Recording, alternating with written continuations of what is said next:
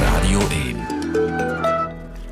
Dit is de podcast van het Radio 1-programma Weet ik Veel. Ik ben Kobe Ilse en mijn gast vandaag is Walter Wijns, cultuursocioloog verbonden aan de Universiteit Antwerpen. Hij schreef het boek Wie, Wat, Woke. En juist, dat is ook het thema van deze uitzending. Woke. Radio 1. Weet ik veel. Met Kobe Ilse. Bijzonder goedemiddag, welkom bij Weet ik Veel. Eh, ik ga er niet flauw over doen, ik ben een beetje nerveus vandaag, want het thema is woke. En dat roept onmiddellijk cancel-dingen boven ehm, en dat op. En, dus ik heb schrik om verkeerde zaken te zeggen. Ik ga daar heel eerlijk in zijn. Maar bon, we gaan eh, het gesprek aan met cultuursocioloog Walter Wijns. Goedemiddag. Goedemiddag. Je, je hebt een boek geschreven, Wie Wat Woke. Juist. Je bent nogthans... Ik ga onmiddellijk beginnen framen. Hè. Je bent een blanke 40-plusser. Een witte kobe. Een wit, excuseer. Ja, voilà, we zijn al, we zijn al bezig. Lap. Een witte. Waarom schrijft een witte man iets over woke? Omdat eh, in mijn geval ben ik geïnteresseerd in ideeën, nieuwe ideeën die eh, de ronde doen. En eh, wat we dan slordigerwijze woke noemen, dat is een verzameling van onder andere ideeën die op de een of andere manier verknoopt zijn met elkaar. En ik vond het interessant om dat te ontrafelen. Als- Dat heb ik geprobeerd. Als socioloog hou je de maatschappij in de gaten en dat is iets dat dan opduikt en dat je denkt, hé, hey, dit is interessant. Ja, en dat behoorlijk snel eh, om zich heen, eh, laten we zeggen, verspreid eh, is of heeft. Eh, en dat, is, eh, dat gebeurt af en toe wel eens, dat er nieuwe ideeën ingang vinden en dat die dan eh, de, de samenleving doordringen of doordringen in de samenleving. En dat is interessant om te zien wat er dan gebeurt. We hebben eh 54 minuten om erover te praten. Bestaat er een kans dat we mensen gaan schofferen? Dat mensen zich gaan... ehm, want er zijn verschillende kampen. Je hebt een heel sterk anti-woke kamp. Je hebt een heel sterk pro-woke kamp. Dan heb je er waarschijnlijk de, de, de massa daartussen ook nog. Kan je een gesprek voeren over woke zonder mensen te irriteren, te ergeren, waar mensen aanstoot aan nemen? Ja, kijk. Ik vermoed dat, eh, het beste komen, dat je waarschijnlijk bij iedere uitzending wel mensen op hun tenen trapt, onbewust. Hè. Dat zal wel. En misschien is de kans iets groter dat dat nu gebeurt. Dat zou wel eens kunnen, ja. Goed. Overigens, eh, die, die groep van mensen die niet tot beide kampen behoort, ik vermoed dat dat de grootste is. Wel, we hebben daar zo dadelijk een, een bijzonder goede montage eh, voor klaarstaan. Maar eerst gaan we muziek spelen van Arjen Lubach bijvoorbeeld. Ken je Arjen Lubach? Dat is een Nederlandse talkshow-host, ehm, entertainer, cabaretier. Hij heeft een nummer geschreven en dat heet Woke. Dus ik Voilà. vond dat nogal toepasselijk om de uitzending mee te beginnen. Ik ben een meisje van twintig, ik studeer psychologie. Ik hou van kritisch denken, van debat en polemiek. En ben ik het niet eens met wat op college wordt gezegd, dan schreeuw ik vuile fascist. En dan ga ik weer weg, want ik ben woke, zo woke. Ik ben wakkerder dan ooit. Ik volg Twitter, dus weet precies wat er speelt. En daarom heb ik heel de wereld in groepjes verdeeld. Ja, ik ben woke, zo woke. Ik ben wakkerder dan ooit. Hoor wat ik zing, luister goed naar mijn les. En vind je iets een beetje anders, nou dan ben je dus trash. Ja, ik ben woke. Als je een donker iemand ziet, gebruik geen ouderwets woord. Geen N-woord, geen zwarte, geen kleurling, geen moor. Ik zelf ben woke, ik weet precies hoe het hoort. Ik zeg, hey sorry voor alles. En dan loop ik weer door. En mannen zijn kut, het zijn stuk voor stuk zwijnen. Zonder drukken de vrouw en vinden dat ze beter zijn. En elke man die dat vindt, die mag dus tegen de muur. Behalve moslimmannen, want dat is hun cultuur. Ja, ik ben woke, zo woke. Ik ben wakkerder dan ooit. Ik volg Twitter, dus weet precies wat er mankeert. Ook al heb ik alles rechts van mij, de tyfus geblokkeerd. Ja, ik ben woke.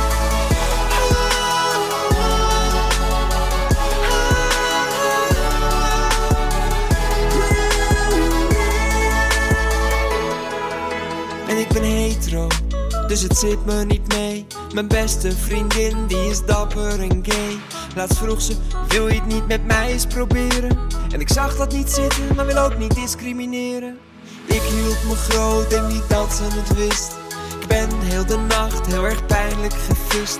Maar zij heeft het pas moeilijk, dus wat zij kan, kan ik ook. Ik draag het leed van onderdrukte, want dan ben je pas woke. Ik ben woke.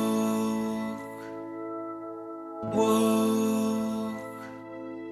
Maar nu is alles anders. Ik was laatst met mijn vrienden en we keken naar tv. Er was een witte man die maakte grapjes over mensen met een handicap. En ik lachte per mee. Ik weet niet wat het was, maar ik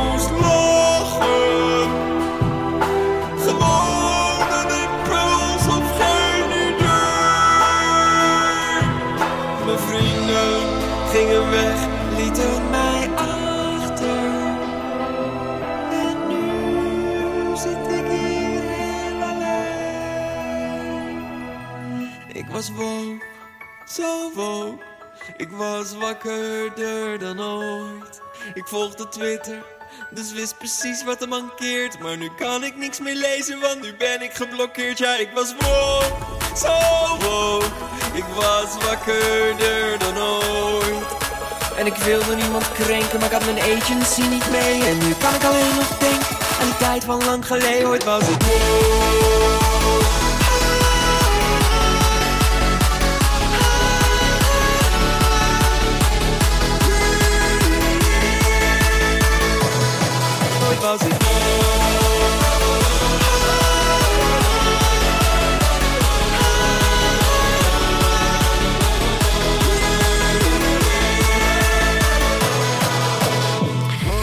Begon als een ballad, eindigt als een Tomorrowland track. Arjen Lubach, woke. Want het gaat in Weet ik veel vandaag over die term woke. Met Walter Wijns, cultuursocioloog verbonden aan Universiteit Antwerpen en auteur van het boek Wie, Wat, Woke. Beste Walter, ehm, wat is woke? En voor ik jou het antwoord ga laten geven, hebben we die vraag... We doen een beetje fuck the format vandaag, want normaal doen we dat niet, weet ik veel. Maar we dachten, Misschien moeten we dat eerst eens gaan vragen aan de mensen in een winkelstraat in Aalst bijvoorbeeld. Wat is woke precies? En de antwoorden zijn verrassend. Weet jij wat woke betekent? Wie? Woke. Nee, oh, is dat? Oh, sorry, nee, dat weet ik niet. Woke. Een woke, dat ken ik. Ik zou het niet kunnen zeggen. Ja. Nee, ik kan er me iets bij voorstellen, maar ik vind het moeilijk om uit te leggen. Sorry. Goed bij de pinken. Goed bij de pinken. Hè. Ze ze hebben er veel over op de tv tegenwoordig. hè. Mensen die woke zijn, die, eh, ja, ik kan het niet goed uitleggen eigenlijk. eh. Op tv heb ik dat wel gehoord. Maar ik weet niet, is dat niet van de warmste week of zo? Ja?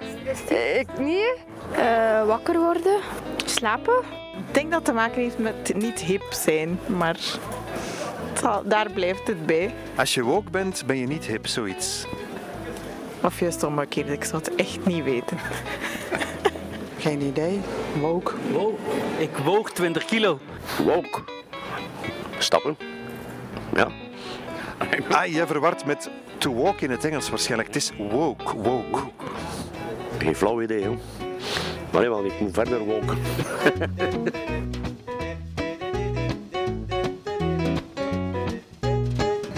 Dat is dat je mee bent in alle... Met de, met de verschillende culturen en de verschillende geaardheden, zo die richting uit. Dat je gaan we ja, met iedereen overeen kunt komen dat iedereen gelijk is voor de wet. Is het zo niet? Wakker worden, bewust worden. Daar denk ik aan als ik woke hoor. Maar bewust worden van wat dan? Van jezelf en de omgeving, wat er allemaal gebeurt. Bewust in het leven staan, in het nu staan. Ja, dat je een beetje eh, mee bent, zeker met al die L- LGBT, weet ik veel wat, toestanden allemaal, bij dat zoiets is. Ja, dat is zo'n modeterm, denk ik.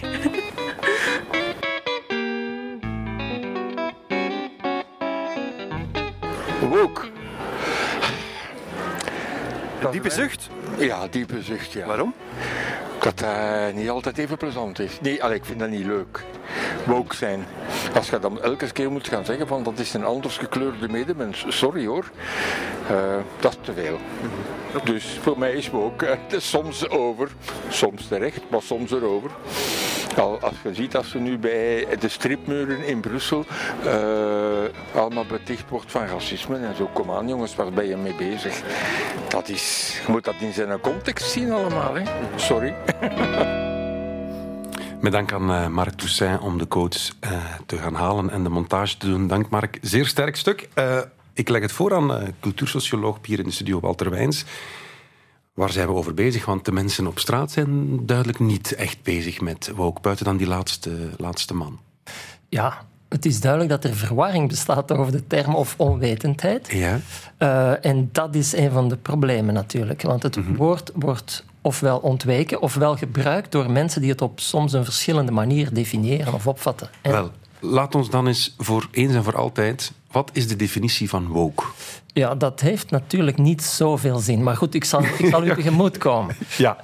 Uh, je kunt zeggen dat woke inderdaad een verscherpt bewustzijn is van sociale onrechtvaardigheid in deze samenleving. Of in de samenleving in het algemeen. Okay. Punt.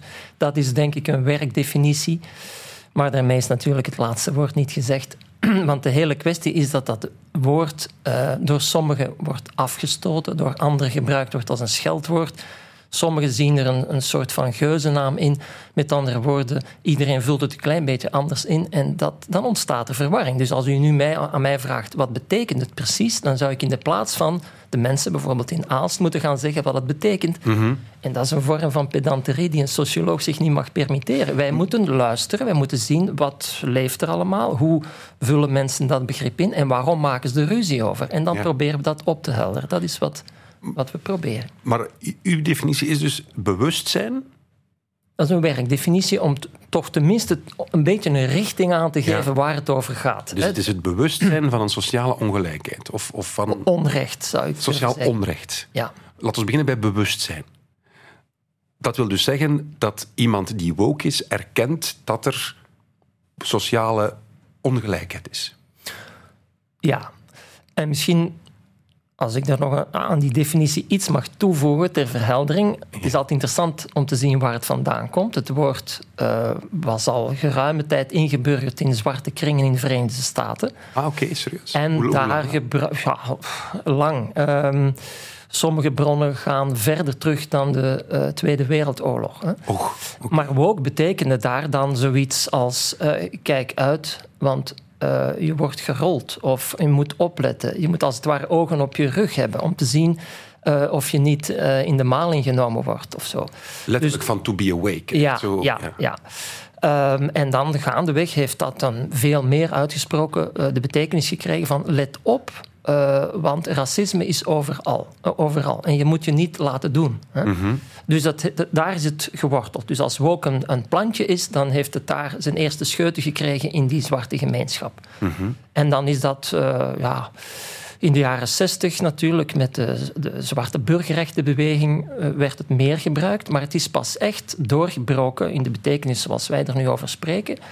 Eh, in de 20e eeuw natuurlijk, de gevolgen van sociale media, toen het overgeslagen is en niet alleen door eh, burgerrechtenactivisten gebruikt werd, maar ook door feministen en door activisten binnen de LGBTQ-gemeenschap enzovoorts. Ja, want nu wordt het al complex. Want je zegt, het is begonnen, zelfs Tweede Wereldoorlog, vooral in... Ja, maar laten we die Tweede Wereldoorlog maar even Oké, maar het is lang geleden begonnen, maar dan vooral vanuit een, een, een racistische, met die racistische insteek. Een antiracistische maar Antiracistische. Ja. En nu zeg je, tegenwoordig is het inderdaad ook LGBTQ+, is het ook eh, over ecologie, gaat het ook over mensen die eh, voor of tegen CO2-uitstoot, bla bla. Climate justice bijvoorbeeld zou je daar ook onder kunnen Dus de term is, wordt groter en groter. Het is een omvattende, het is een koepelterm. Die dus eh, omvat alle vormen van sociaal onrecht, sociale ongelijkheid die eh, discrimineert. Want niet alle vormen van sociale ongelijkheid discrimineren. Hè, maar dus het gaat om discriminatie. eh, en het gaat om gebrek aan erkenning. Het, het gaat ook aan om ehm, eh, het herstellen van wat gedurende decennia of zelfs eeuwen aan onrecht bestaan heeft en wat gedrukt heeft op de schouders van minderheidsgroepen. En, en een- het gaat om de poging om ja, die achterstelling te herstellen. Dus dat is nogal wat. Ja, ja, tuurlijk. En daardoor komt er ook heel veel tegelijkertijd. Want heel veel groepen voelen zich, of zijn effectief ook, al die jaren gediscrimineerd. Ja, vandaar dat men zegt dat woke ehm, aanduidt een aantal, ja, noem het maar slachtoffergroepen. Hè. Dus groepen, minderheidsgroepen die het slachtoffer geweest zijn, nu of vooral ook in het verleden. eh, en daar nog altijd de dupe van zijn. Ehm, en dat gaat dan inderdaad over discriminatie van, van gay personen, of dat gaat over discriminatie van mensen met een kleur, of eh, van eh, mensen met, met een beperking, en ga zo maar door. Dus eh, ja, dat is een omvattend begrip. En dan zou je misschien kunnen zeggen, ja, maar, maar waarom zo'n slordige termen? Waarom zo'n koepeltermen? Waarom spreek je niet heel precies van racisme of feminisme of antifeminisme of, of seksisme bedoel ik? Gaybashing. Of gaybashing. Ja, ja, maar ja. Dan weten we tenminste waar het over gaat. Hè? Mhm. Ehm, maar dat is nu het hele punt, eh, denk ik. Dat, dan, raken we, dan komen we een beetje in de, in de buurt van waar het bij woke om gaat. Namelijk het verzamelen van alle maatschappelijke energie die je zou kunnen richten om de ongelijkheid ongedaan te maken. Want ongelijkheid komt niet in één vorm voor, maar is geaccumuleerd, wordt opgestapeld. En als je als minderheidsgroep, bijvoorbeeld de gay community, of bijvoorbeeld mensen met een beperking, of bijvoorbeeld mensen met een kleur, als je dan je strijd alleen moet voeren, ja, dat is een zware, moeilijke strijd. Dus, zowel die Avengers, zoals die Avengers in de Marvel-films, bundel je krachten Voilà. en je kan veel grotere vijanden verslaan. Alsjeblieft. Dat is de strategie, zou je kunnen zeggen, die erachter ook zit. En dat verklaart ook waarom het dan ja, een verzamelbegrip geworden is. Het is een soort... eh, ja, eh, er, iemand blaast op de... Op de waar blaas je zoal op? De trompet, laat ik maar zeggen, of de bugel. En de troepen verzamelen zich. Hè. Dat, dat zou een beetje de, de idee zijn. En dat wordt ook... Ja, dat is niet alleen een, een impressie eh, van waarnemers, maar dat wordt ook met zoveel woorden gezegd door activisten. Hè. En, en zit daar, heeft iemand daar voordeel bij dat dat, overkoepelende, dat dat nu een overkoepelende term is? Want daardoor worden, a- allee, inderdaad, worden alle problemen, zoals racisme, zoals eh, seksisme, worden onder één en dezelfde noemer geplaatst, waardoor het misschien een beetje allemaal ja, hetzelfde wordt, terwijl het heel verschillende dingen zijn. Het zijn heel verschillende dingen, maar, en nu komt het, hou je vast. er is namelijk een, zoiets als ongelijkheid die altijd in het voordeel speelt van één welbepaalde groep, één bepaalde categorie van mensen. En het zijn deze mensen, dat zijn natuurlijk die bewuste, witte... Ik ga nu jou even beschrijven, Koop. Ik ben de schuldige. Ja, laat maar komen. Dus eh, een, eh, een, eh, een, een witte man, heteroseksueel, die, eh, ja, ik weet niet of de leeftijd er... er 41. Vorige week geworden. Ja, je hebt het mij daarnet nog gezegd. Eh, dus ja, dat speelt allemaal in ja, uw nadeel of uw voordeel. Het hangt er een beetje vanaf. Want je zou kunnen zeggen, dat type van mensen... Die, ehm, die hebben een voordeel bij een historisch gegroeide ongelijkheid in het nadeel van hetero's, in het nadeel van vrouwen, in het nadeel van mensen met kleur. Mhm. En die blijven, daarop, ja, die blijven daarvan profiteren. Dus die zijn eigenlijk geprivilegeerd. Dat is het beruchte eh, het witte privilege, dus de, de white privilege. hm? En dus ja, ehm, dat speelt op al die vormen van ongelijkheid, eh, vind je dat terug. Hè? En dus als je dan eh, die machtsbalansen, die ongelijkheden wilt herstellen, dan moet je bij iedere strijd die gevoerd wordt, moet je je richten op dezelfde tegenstander. En dat is dan die, die arme man zoals er hier twee aan de tafel zitten. Ja, arm zou ik nu niet zeggen, maar het is wel heel raar om inderdaad, omwille van een stereotype, hè, ik ben inderdaad een witte, 40-plus heteroseksueel, dat ik onmiddellijk in een kamp word geduwd van seksist, racist, eender wat. Dat vind ik wel moeilijk. Want ik ben dat niet. Nee, je wordt niet, er wordt niet meteen gezegd dat Nee, maar het is wel een seksist beweging die vooral zich richt tegen... Ja, ja, ja, ja. Maar dat is voornamelijk tegen hun voorrechten. Het- Het kan perfect zijn dat jij een, een, een, een maagdelijk, eh, laten we zeggen, ik wou bijna zeggen, maagdelijk blanke persoon bent die niets verkeerd zegt of denkt. Dat is perfect mogelijk. Maar bewust of onbewust profiteer je van een aantal voorrechten. Dus of je dat nu graag hebt of niet, dat is althans de woke-analyse. Er zijn een aantal bevoorrechte categorieën. En die bevoorrechte categorieën die zijn niet gisteren uitgevonden, dat bestaat al heel lang. En dus om die historische ballast die, van die ongelijkheid ongedaan te maken, is er nogal wat werk te verrichten. Mhm. En daar gaat het eigenlijk over. Dus het gaat niet om mij als persoon, maar het gaat over de privileges die ik onbewust Ja, heb als drager van een aantal kenmerken. in het ja. leven. Ja. Ehm, In de popmuziek dook het op in 2008. Ik maak een bruggetje naar het volgende nummer. Erika Badu. Het nummer heet Master Teacher en er wordt ergens gezegd: What if, what if it were no? Ik ga het woord niet uitspreken om uh, gezever te vermijden. Only Master Teachers, I stay woke. Dus daar duikt het nummer, of daar duikt het woord op in de popmuziek. Erika Badu.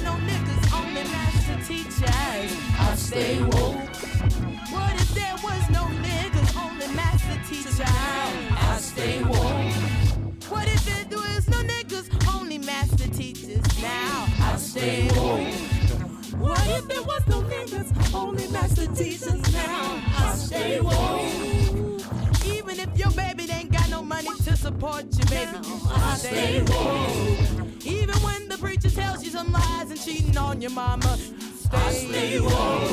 Even though you go through struggle and strive to keep a healthy life, I stay woke.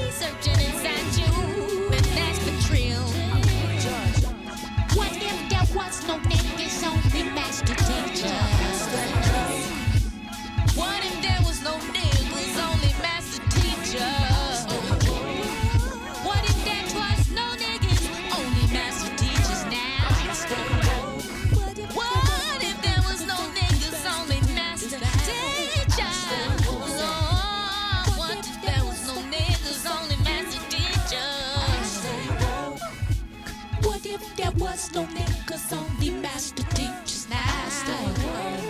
Teachers, teachers.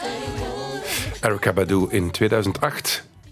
In eh, het nummer Master Teacher, waar het woord woke ook al opdook. In weet ik veel over woke. En dat is om iets, iets om over te discussiëren, maar gelukkig ook iets om humor over te maken, zoals de ideale wereld. Wel, om de polarisering en de vette discussies tegen te gaan, hebben wij dus beslist om op de universiteit een algemeen woke-verbod in te lassen. Studenten mogen dus niet meer woken in de gebouwen van de universiteit. Eh, ze mogen dat enkel doen in de daartoe bestemde zones. Weet ik veel? Ja, zoals u ziet hebben we gekozen voor een duidelijke signalisatie, zodat de studenten goed weten waar ze wel of niet mogen woken. En als er dan toch gewookt wordt eh, in de aulas of in de studentenrestaurants, dan zullen ze daar vanaf nu ook op gewezen worden. Ah, voilà, dat is een voorbeeld van een van onze wookzones. Je ziet het is heel duidelijk aangegeven. En hier kunnen studenten dan eh, tussen de lessen door, als ze willen, een, een wookpauze houden. Geen rookpauze, maar een wokepauze.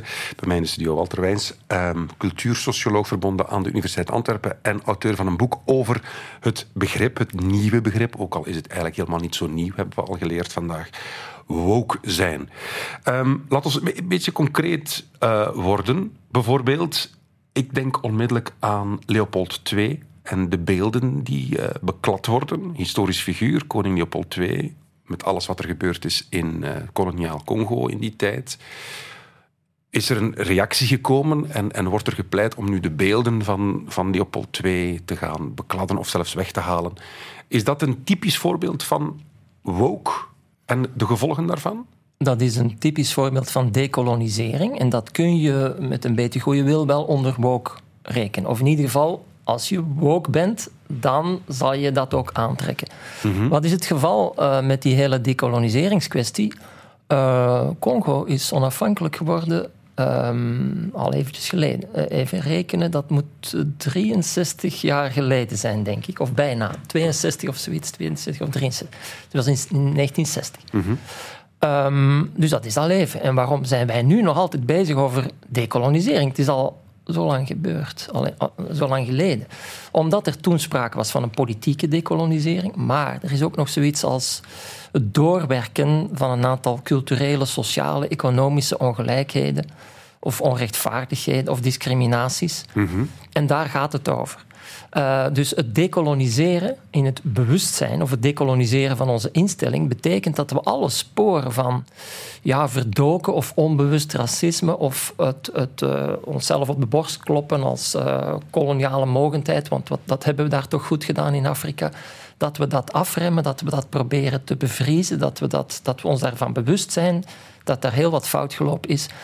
En dus dat is de nawerking van een politieke eh, ontvoogding en onafhankelijkheidsbeweging die al lang achter ons ligt. Maar dat werkt nog altijd door. En dus daarom is het misschien vreemd dat we zoveel jaren na de onafhankelijkheid van Congo nog bezig zijn over, god betert, enkele standbeelden. Ja. Maar die standbeelden die staan natuurlijk ergens voor. Hè? Dat is Mhm. het idee. Die, die, ja, je eert als het ware iemand. En dan is de vraag, ja, moeten we zo iemand eren die daar met zijn vuile voeten doorheen gegaan is, die maar één doel had, dat is zijn eigen eer en, en winstbejag.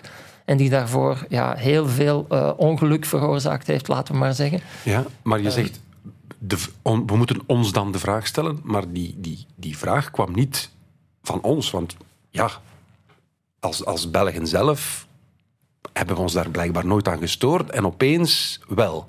Ja, zo, lijkt het, zo lijkt het. Hè? Ja, ja, inderdaad. Maar het is niet allemaal zo opeens. Hè. Dus eh, in 1905, meen ik mij te herinneren, eh, wie was het? eh, Van der Velde, denk ik, in het parlement. Die had het over ja, de infame, moet ik zeggen, werken die werden uitgevoerd met, met de opbrengst van de rubberoogsten.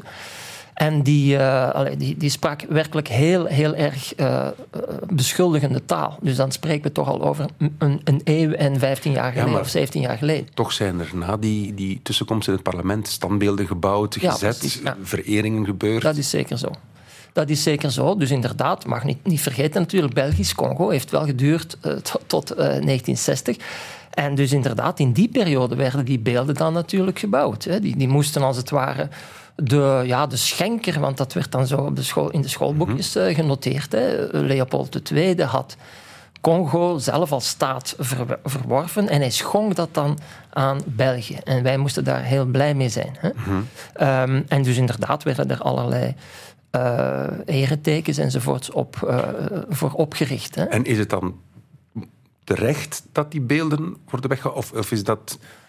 Of, of niet terecht? Want wat, wat moeten we daarmee? Is dat, is dat goed dat we dat doen? Ja, reflectie, denk ik, is nooit eh, een slechte zaak. Want je hebt van het kamp, het anti-woke-kamp, zegt ja, maar het is geschiedenis. Alles past in zijn tijdsbeeld. Is- Zoals de boeken van Jeff Gerards ook.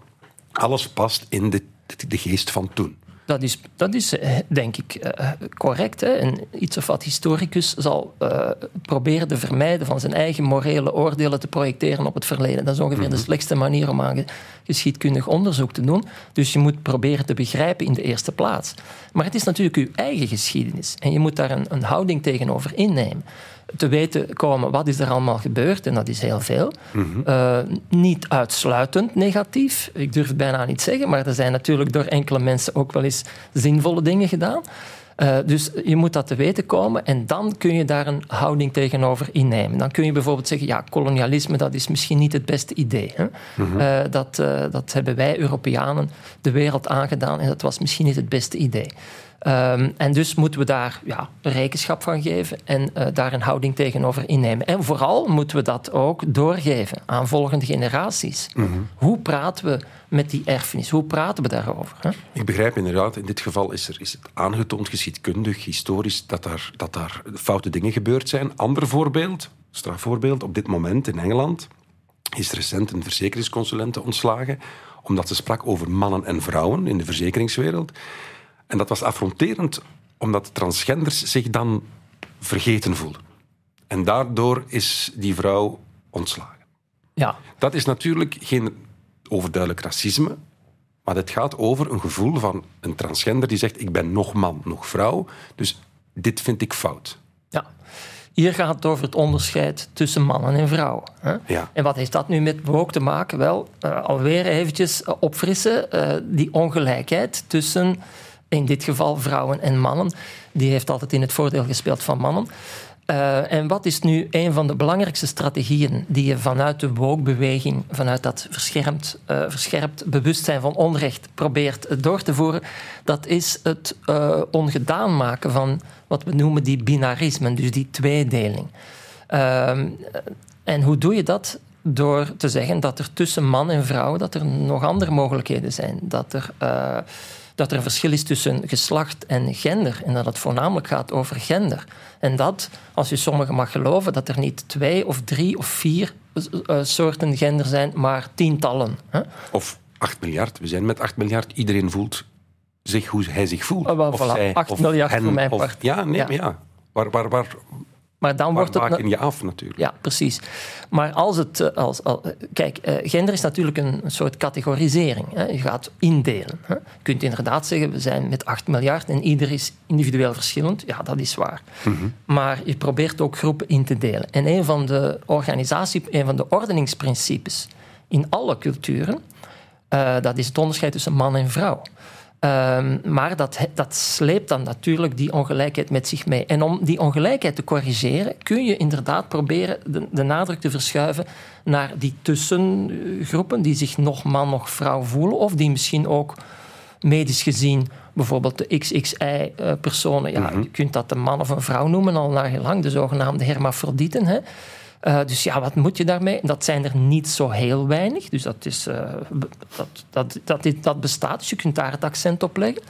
Of je kunt ook zeggen, er zijn mensen die zich, uh, hoewel ze met een bepaald geslacht geboren worden en als zodanig worden aangemerkt, als jongetje of meisje, gaandeweg ja, merken dat ze zich niet jongen of meisje voelen en die zich dan uh, bekeren, laten we maar zeggen, tot een ander gender. Of die zeggen, ik voel mij niet binair. Ik, ja, ik heb nu wel uh, ooit te horen gekregen dat ik jongen of meisje was, Ja. maar zo voel ik me niet. Ik ben eigenlijk niet binair en val me daar niet mee lastig. Hè? Maar even terug naar de case. Een verzekeringsmaatschappij gaat mensen wel opdelen in basiscategorieën.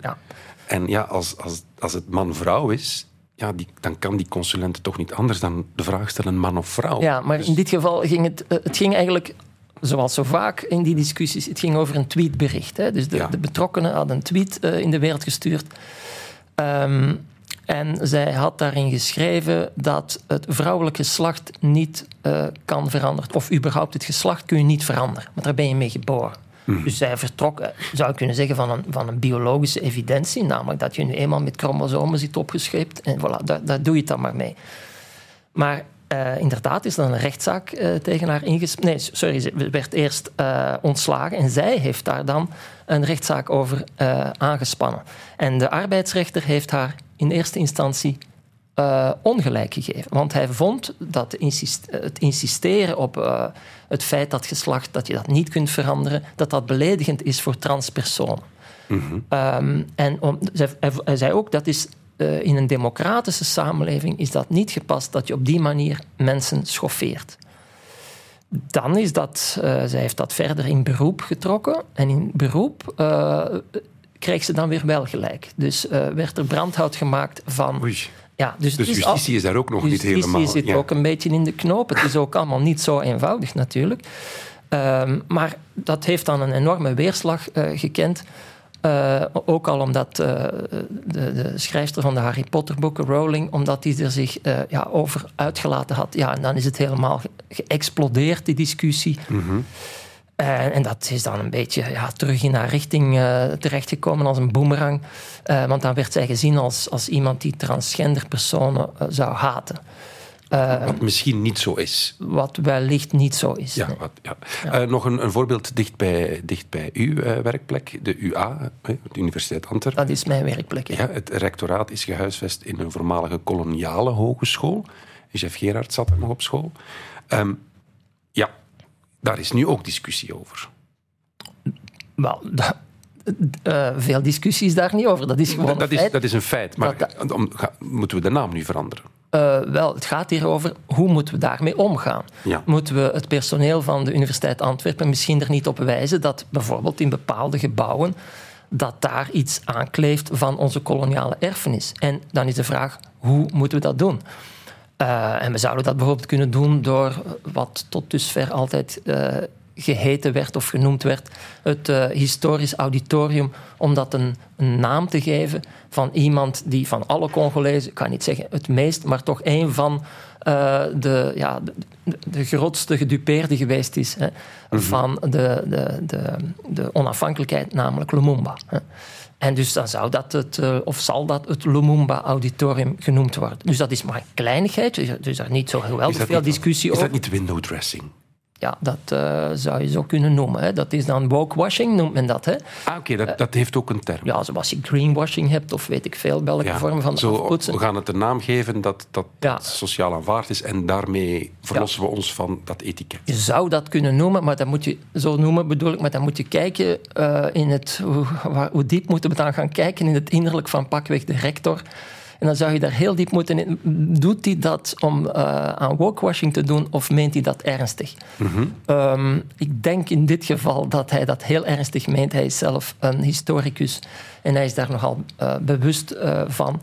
Dus ik zou hem in dit geval niet durven betichten van wokewashing. Maar bijvoorbeeld heel wat bedrijven, ja, die zijn er natuurlijk als de kippen bij om bijvoorbeeld een aangebrande term of een aangebrande of een lastige eh, icoontje of een, of, een, of een afbeelding waar ze jarenlang reclame mee gevoerd hebben, om dat ja, te verwijderen, omdat dat natuurlijk slecht valt. En dat zou dan de, de verkoopcijfers kunnen eh, Geef eens een voorbeeld. eh, er is, dan moet ik even nadenken of ik me niet vergis, maar was het nu Bosto of is het een ander? Uncle eh, Uncle eh, Bosto, ik zit hier reclame te maken voor het verkeerde merk. Uiteraard Uncle Ben's. Dat is van naam veranderd, omdat die Uncle Ben's, eh, als je dat nog herinnert, Kobe, daar st- stond daar een, een, een zwarte oom. Hè? En eh, ja, die uncle is eraf, want dat werd dan zo'n beetje beschouwd als eh, ja, denigrerend. En nu ga, hoor ik de mensen in de wagen die aan het luisteren zijn zuchten.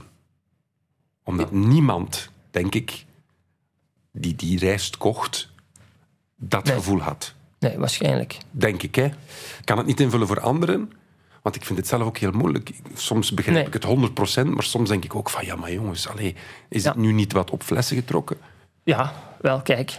Zoiets kun je nu eenmaal niet objectiveren. Nee? Je moet vaststellen hoe valt dat bij sommigen. Hè? Hoe Mhm. valt het bij sommige groepen. Blijkbaar zijn er in de Verenigde Staten een heleboel mensen die zich daardoor geschoffeerd voelen. Of die, en dat is misschien ook interessant, die zeggen: kijk, het laten voortbestaan van al die onbenullige kleine details waarvan je zegt: ja, daar zit nou toch werkelijk geen spoor van racisme in. Je zou dat kunnen vergelijken met eh, wat Freud ook eh, stelt als hij het heeft over ehm, hoe krijg je toegang tot het onbewuste. Dat zijn de kleine versprekingen. Dat zijn de kleine onbeduidende dingetjes, maar die verraden heel veel. Dus het feit dat wij. Eh, Het feit dat ik in die Uncle Ben's ja, geen racisme je denkt zie, er zelfs niet over na. wil zeggen dat het eigenlijk... Voilà. Dat, is de redenering. Hè? Dat Ja, is de woke. Ik zeg niet dat dat zo is. Ik zeg Nee, nee, alleen maar dat dat zou kunnen op die manier uitgelegd Begrijp. worden. En ik denk dat dat niet eens zo oninteressant is om het op die manier eens te bekijken. Absoluut. Zwarte Piet is ook zoiets, hè? Ja, Nee? ja, Of, ja. ja, Zwarte Piet is duidelijk iets wat heel erg eh, gecontesteerd Ja, maar wordt. daar En zijn, de, de, de hetze was gigantisch groot, Ja. omdat heel weinig mensen, denk ik, hier in, in de Daar regio iets verkeerd in zagen. iets verkeerd in zagen, tot er aan de alarmbel werd getrokken. Ja. En dan, dan begrijp ik wel dat er, dat er aan de alarmbel getrokken wordt. Ehm, ook al stonden wij daar totaal niet bij stil. Nee, precies. Ehm, dat was iets waarvan je waarschijnlijk geen enkel spoor van racisme in zou terugvinden als je keek in het, in het hart van de kindjes, hè, ehm, die opgetogen klapten als, als eh, Zwarte Piet binnenkwam. Maar het is Maar het, het is, wordt door nogal wat mensen van kleur beschouwd als beledigend. En nu kun je wel zeggen, ja, maar je moet dat eh, anders bekijken. Eh, dat is niet verkeerd, hè? Dus het is niet verkeerd om aan iedereen te vragen om eens te keer buiten zijn eigen, of uh, laat me zeggen, andere schoenen, te, te, of zeg je dat, in andere schoenen te gaan staan. Hè? En is de wereld te bekijken vanuit een andere blik. Hè? Uh, dus je, je, hoeft dat niet alleen te vragen van, van witte, blanke mannen. Je mag dat van iedereen vragen. Uh, maar het is evident dat diegenen die misschien dan toch in het verleden, uh, ja, laten we zeggen, altijd uh, aan het langste eind getrokken hebben, dat die misschien nog net iets meer mm -hmm. of net iets dieper in, in hun eigen onbewuste moeten gaan zitten bekijken. Maar het, het blijft heel lastig. Mag ik mijn persoonlijke definitie van woke zijn? Hoe ik het aanvoel? Alsjeblieft, Kobe. Als ik weet dat iemand zich door een bepaalde term ongelukkig of misbegrepen of aangevallen voelt, vind ik het als mens normaal dat je daar rekening mee houdt. Ja. Stel dat jij zegt, hey, u brilt, u draagt een bril. Ja. Stel dat, dat u het, het eigenlijk heel moeilijk heeft met het feit dat u een bril... En als ik u zou wijzen op het feit dat u een bril draagt, dat u dat enorm zou kwetsen, vind ik het als mens maar normaal, als ik dat weet, dat ik niet elke dag ga zeggen, ah, leuke bril. Ja, dat is een gevoelig thema, Kobe, want in mijn jeugd ben ik... Shit, dan gaan we toch niet cancelen. nee, maar begrijp je, ik vind maar... dat puur een, een soort beleefdheid. Ja, precies. We zouden dat tact kunnen noemen. En moet je ja. dat dan per se woke noemen? Het is gewoon een kwestie van omgang met anderen. Dat is zeker zo. In de omgang met anderen proberen nou niet per se, per se altijd, altijd zijn tenen op te zoeken om erop ja. te gaan trappen. Dat, is, dat spreekt voor zich. Maar... Er bestaat ook nog zoiets als meningsverschillen, als verschillende visies op de wereld. Um, en het kan zijn dat mijn visie op de wereld u niet welgevallig is. We, hebben, we treffen dat wel aan in politieke discussies. Bijvoorbeeld. Moet ik dan telkens u tegemoetkomen? Dat denk dat ik niet. Dus je, je ziet hier een spanningsveld. Hè. Je kunt zeggen in de, in, de, in de simpele interactie met anderen: ja, wees hoffelijk, uh, uh, wees een heer in het verkeer en, en op alle andere plaatsen. Maar uh, ja, soms moeten de dingen gezegd kunnen worden. Mm -hmm. En moeten die dingen gezegd kunnen worden in een taal die de andere misschien niet welgevallig is. En dus die spanning krijg je niet weg. Dus het zou een vergissing zijn om te denken... we gaan nou eens met z'n allen woke zijn... Lekker, ja. En dan gaan we geen meningsverschillen meer toe. Ja, nee, dat, dat zou het einde van de democratie zijn. Democratie gedijt met uh, het uh, hoffelijk uh, kunnen. Ja, precies. En dat moeten we zoeken. Hè? Zelfs Bart Peters, een, een zeer verdraagzaam man, is ooit terecht gewezen. Uh, het nummer Wat mag er nog wel? En hij zingt Vrouwen zijn als abrikozen, de mooiste vrucht die er bestaat. Maar je hebt ook van die boze en die worden heel snel kwaad. En dat heeft bij bepaalde vrouwen uh, een stevige reactie uh, ontlokt. En Bart werd op de maat geroepen. We gaan het nummer toch draaien om de context te schetsen.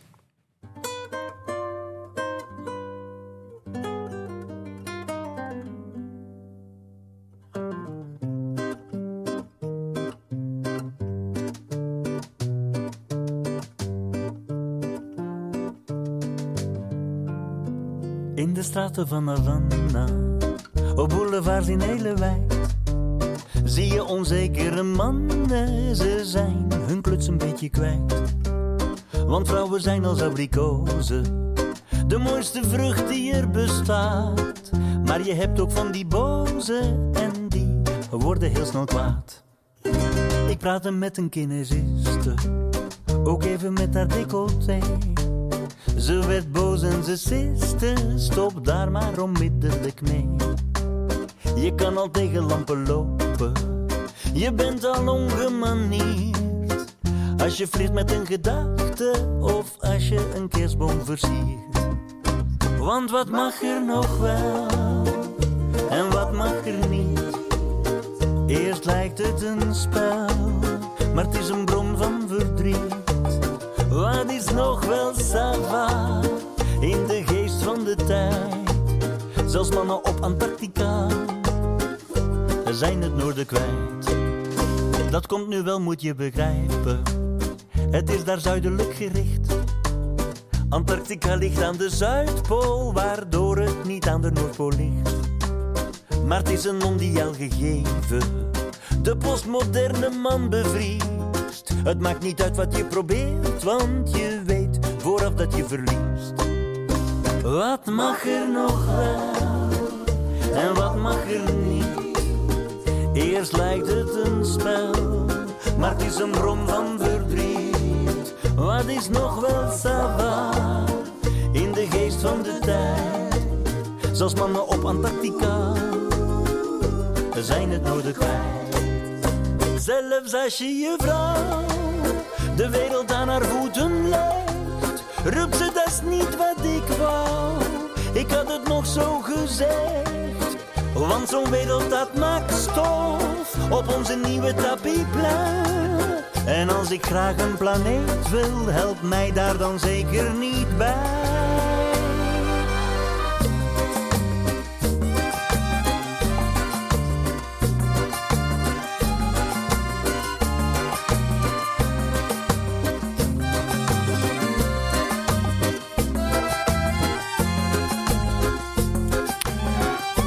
Peters in eh, Weet ik veel over woke. Wat mag er nog wel? Hij werd op dit nummer aangesproken.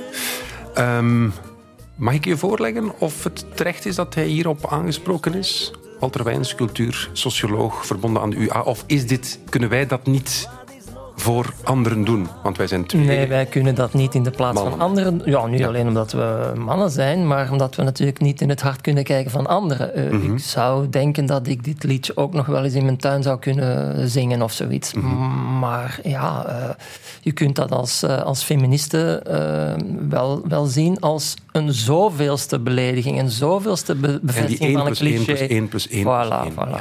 ja. John Cleese, toch geen onbekende in de comedywereld, heeft zich daar ook al over uitgesproken. the most oversensitive people in your culture, the people who are most easily upset.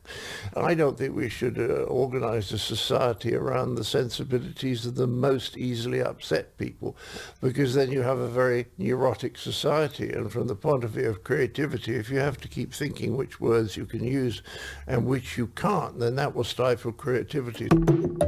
Kort samengevat, hij zegt ja, als je moet humor bedrijven aan de hand of met het publiek van de meest of snelst geïrriteerde publiek als leidraad, ja, dan, dan ga je niet veel moppen meer kunnen maken. Dat is een, een, een korte samenvatting van wat hij zegt. Dan denk ik automatisch, of dan zou er automatisch kunnen gedacht worden, ja, maar John Cleese is het cliché van de eh, blanke, nee, ik moet witte man zeggen. Je hebt me gecorrigeerd, hè? Ja, ja, ja, ja, wit, ja. Ja. Waarom wit en niet blank? Dat is een probleem dat zich alleen in het Nederlands stelt. Hè? Want in het Engels heet het white versus black or colored en- enzovoort. Waarom moet je volgens de woke-opvatting eh, moet je wit eh, zeggen? Omdat als je blank gebruikt, dan lijkt je te zeggen dat dat niet echt een ras is. Blank lijkt dan zo beschouwd te, kunnen worden als een neu- neutrale positie die je inneemt. En zwart is daarvan een afwijking. Of eh, een kleurtje eh, is daarvan een afwijking. En dus om te erkennen, om je bewust te zijn van het feit dat wij allemaal een kleur, kleur. hebben, Ja. noemt men, dat- moet je jezelf dan in principe wit noemen. Of moet je iemand, een blanke dan liefst al. eh, En dat, dat, dat gaat er dus om, om het, ja, de, de vanzelfsprekende centrale positie die die witte of blanke mannen innemen in de wereld, om ze daarvan eventjes los te schudden. Van even te, te bedenken van, ja, jij neemt ook maar één positie in tussen vele anderen. En daar is geen enkele reden om te, te zeggen dat dat de meest centrale positie is die je als mens kunt innemen. Het is een positie. Want ook gepositioneerdheid is heel belangrijk. Hè? Ehm, woke personen zijn er in het algemeen van overtuigd dat je moet opletten met te spreken in termen van universalisme of algemene waarheden. Want algemene waarheden die zouden dan gelden voor iedereen natuurlijk en gelijkmatig. Maar dat zijn waarheden die vaak eh, uit de koker komen van witte mannen. Dat zijn ideeën die ergens vandaan komen. Die hebben altijd een, een, precieze positie of die hebben een, een, standplaatsgebondenheid, zoals eh, historici soms zeggen. En, en dus dat betekent dat een vrouw en een man en iemand van kleur en iemand van eh, eh, ja, mensen van verschillende etnische afkomsten, dat die misschien verschillende waarheden eh, Ja, hebben. want- dat, wat natuurlijk een, een, een aan de ene kant zeer interessante vraag is, epistemologisch, dus kennistheoretisch is dat heel interessant. Is het zo dat wanneer een vrouw wetenschap of iemand van kleur of eh, een gay person, wanneer die aan wetenschap doet, ziet die andere dingen? Voelt die dat andere dingen aan? Dat is niet zomaar iets wat je zonder meer van tafel kunt vegen. Maar het is natuurlijk eh, iets heel anders om te zeggen, ja, het komt van jou, dus dat is jouw waarheid, punt. Want daarmee relativeer je natuurlijk alles kapot. Wat in de wetenschap ook misschien niet de meest eh, vruchtbare houding is. Hè? Stel u voor, iemand die gay is, maar wel racistisch, is die woke of niet? Dat is een interessante kwestie. Eh, Want het zijn zoveel kampen. ja, ja, ja. En je kan niet in alle kampen zitten. Nee. Eh, nee, dat is waar. Eh, in de, ook hierbij moet je dat misschien strategisch bekijken, om die, ehm, de verzamelde troepen slagkrachtig te laten zijn, moet je zoveel mogelijk de onderlinge spanningen reduceren. En die zijn er wel degelijk. Hè? Want we hebben het bijvoorbeeld nog niet gehad over, over de islam. Eh, want ja, islamofobie, dat is natuurlijk ook iets wat uitgaat van het, ja, zeg maar het, het, het, het, eh, het christelijke Westen. En dat is ook een machtspositie in ja, deze wereld. bijvoorbeeld, inderdaad, de islam, de, de, vrouw, de plek van de vrouw in de maatschappij is daar niet, eh, staat daar niet op één. Dus je zou dan van... Homo's worden daar ook niet Voilà. applaus onthaald. Maar iemand die woke is, zou wel kunnen zeggen, ja, maar iemand is vrij om zijn godsdienst te, te, te beleven zoals hij wil. Maar ja, dan bots je weer op seksisme en, en op... Ja. Oh, die, die complex. ja, het is een lastige zaak. Maar die spanningen die worden dan, zal ik maar zeggen, onder de mat gevaagd. Want we spreken nu de hele tijd over de LGBTQ-community of gemeenschap. Maar dan moet je niet denken dat daar geen meningsverschillen eh, bestaan over hoe je inderdaad eh, in het leven moet staan. Hoe je bijvoorbeeld moet staan tegenover de, de Pride. Hè. Eh, sommigen zijn daar helemaal niet mee opgezet. De Pride, de, de, de stoet door de straten met, met de vrachtwagens, luide muziek, extravagante kledij. Sommige holibies schamen zich daarvoor. Die vinden Ja. dat nou echt geen goed idee. Nee. Eh, maar ja, als je natuurlijk eh, in eigen rangen, zal ik maar zeggen, al, al gevechten moet gaan zitten uitvechten, ja, dan, dan vermindert je slagkracht. Dus dat wordt, en dat zijn soms bittere, bittere Mhm. discussies. Hetzelfde binnen het feminisme. Hè. Daar heb je dat werkelijk soms op de spits gedreven. Hè. Dus, eh, Hey, we moeten jammer genoeg afronden, want ik zou nog een uur met u willen praten. Super interessant. we hebben nog een anderhalve minuut. Ik ga u vragen om in de toekomst te kijken. Want is dit nu even een steenpuist die openbarst? Is dit nu even een, een vulkaanuitbarsting van verontwaardiging en van mensen die op hun teen getrapt zijn? Of is dit een, zijn wij in een, nieuwe, een nieuw denken terechtgekomen, waarin we echt wel met iedereen en elke mening van alle 8 miljard mensen rekening gaan houden en moeten houden? ja. Eh, misschien moet ik u geruststellen, het zou perfect kunnen zijn dat het woord woke binnen twee jaar eh, als volstrekt verouderd beschouwd wordt. Dus daar gaan we misschien niet mee blijven zitten. Maar wat wel een rol zal blijven spelen, is dat wij een samenleving vormen waar verschillende minderheden hun plek aan het innemen zijn. Eh, en dus dat vergt wat pas- en trekwerk en puzzel en, geschuif frictie en en- fricties ja. en, en, en, en eh, lange tenen die pijn doen en zo. Mhm. En daar zijn we voorlopig nog niet vanaf. Eh ja, kijk, denk ik. En daar kan ik er nog eens een boek over schrijven. Ehm, mag ik u danken voor dit eh, toch wel verhelderend uurtje radio? Want er leefden zoveel vooroordelen en, en, en gedachten over.